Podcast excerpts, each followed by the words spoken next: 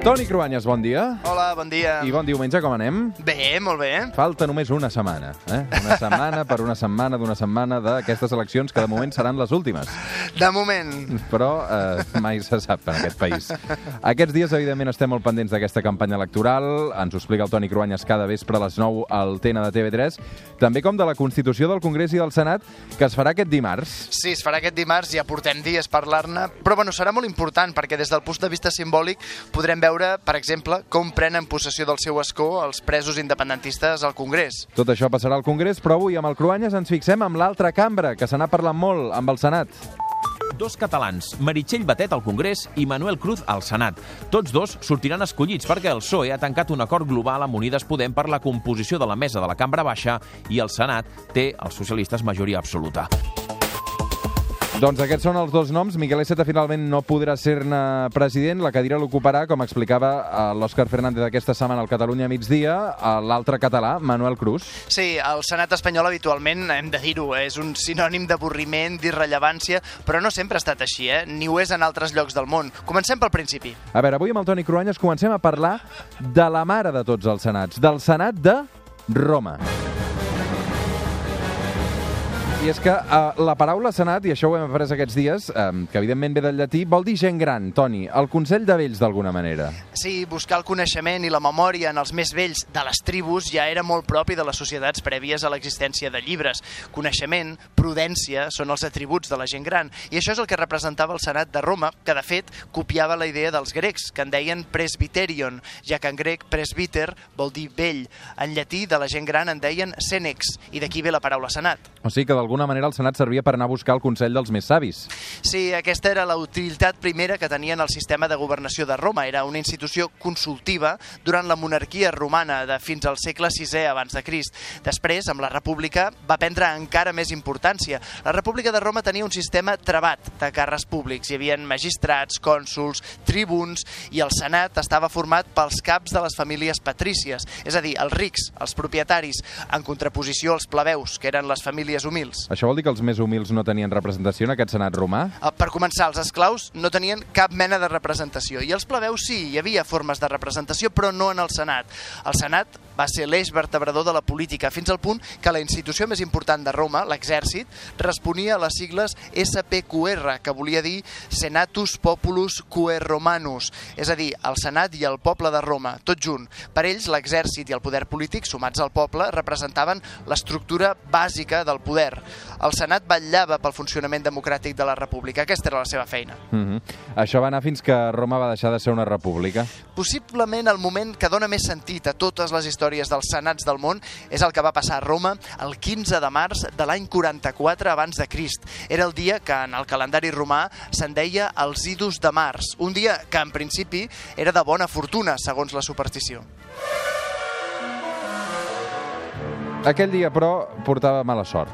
La dona de Juli César ja el va advertir que aquell dia no havia d'anar al Senat, perquè havia tingut un somni premonitori. I un endeví etrusc també el va advertir, compta amb els idus de març. Però Juli César, igualment, va anar al Senat. Juli César era un gran heroi de guerra i s'havia erigit d'alguna manera en dictador amb el vistiplau del Senat. Roma era un pas de deixar de ser una república i de convertir-se en una monarquia imperial. Els senadors recelaven del poder acumulat per Juli César i per això van organitzar-se per matar-lo. Creien que era impossible frenar la deriva autoritària de Juli César, així que gent a qui el mateix Juli César havia fet confiança van apunyalar-lo. I tots recordem aquella frase famosa, no? Tu també, Brutus, fill meu, i és que entre els amotinats sediciosos hi havia el fill de la seva amant i el protegit, Marc Brutus Brutus. La frase en llatí, tu quoque brute fili mi, s'ha fet famosa arreu del món i el primer que la va escriure va ser l'historiador Suetoni, però després, amb Shakespeare, es va convertir en una de les frases més conegudes i que es fa servir encara ara com l'exemple màxim de la traïció. Hi ha també una altra frase famosa de l'obra de Shakespeare que diu Brutus en el seu discurs al poble, quan vol justificar l'assassinat de Juli César. Diu, César havia de morir perquè Roma pugui viure. Doncs bé, el Senat romà va fer la seva funció de contrapès del govern en la seva màxima expressió. Doncs mira, Toni, recollint aquest exemple romà, els Estats Units també van crear una senat que servís d'alguna manera de contrapès i que vigilés la Cambra dels Representants, no? El 1788, els pares fundadors dels Estats Units van crear la Cambra Baixa en representació dels electors, dels votants, amb un sistema electoral proporcional, i també la Cambra Alta, el Senat, que representa els territoris.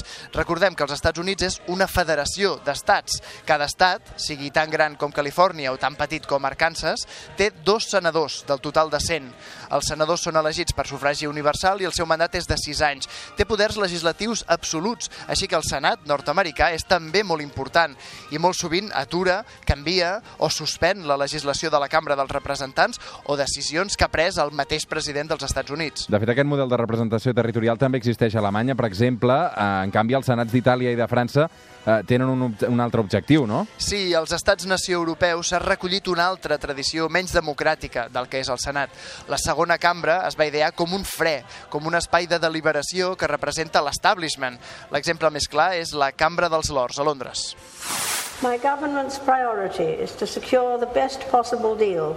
Aquesta és la reina d'Anglaterra, que cada any fa un discurs per obrir el curs parlamentari de la Cambra dels Lords. Segur que ho recordem, ja, ja arriba amb aquella carrossa daurada. Es manté la tradició fins als últims límits estètics. La reina no es dirigeix a la Cambra dels Comuns, sinó als lords, que representen els aristòcrates, els latifundistes, els rics.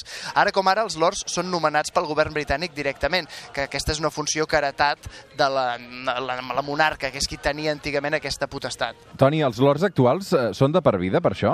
Uh, sí que ho són la majoria, és a dir, és un càrrec vitalici, però pensa que fa fins 20 anys els títols de l'or tenien, uh, no, eren, no, no eren vitalicis, és que eren hereditaris. Uh -huh. És a dir, en una cambra que és legislativa i efectiva, podia ser que fos això el descendent del lord de fa tres segles, el qui acabés tenint tant poder com una persona elegida pel poble. O sigui que la influència de les forces conservadores, de l'establishment, era brutal dins del que coneixem com la democràcia més antiga del món, la britànic. Mm, Déu-n'hi-do.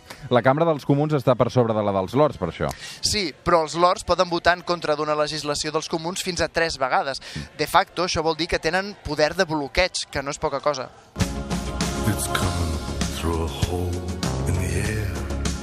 Mira, avui, eh, Cruanyes, eh, que veig que estàs una mica refredat, avui Sí, sí, arribarem fins a les 9 del matí amb una veu profunda, com és la de Leonard Cohen, amb aquest Democracy. Et sembla Molt bé? Compro Leonard Cohen sempre, i ara mateix un te ben calent, perquè això, Doncs anirà bé. això ho hem de superar. molts ànims avui amb la cambra de, dels elefants, també, com li diuen, o dels dinosaures, segons com, eh?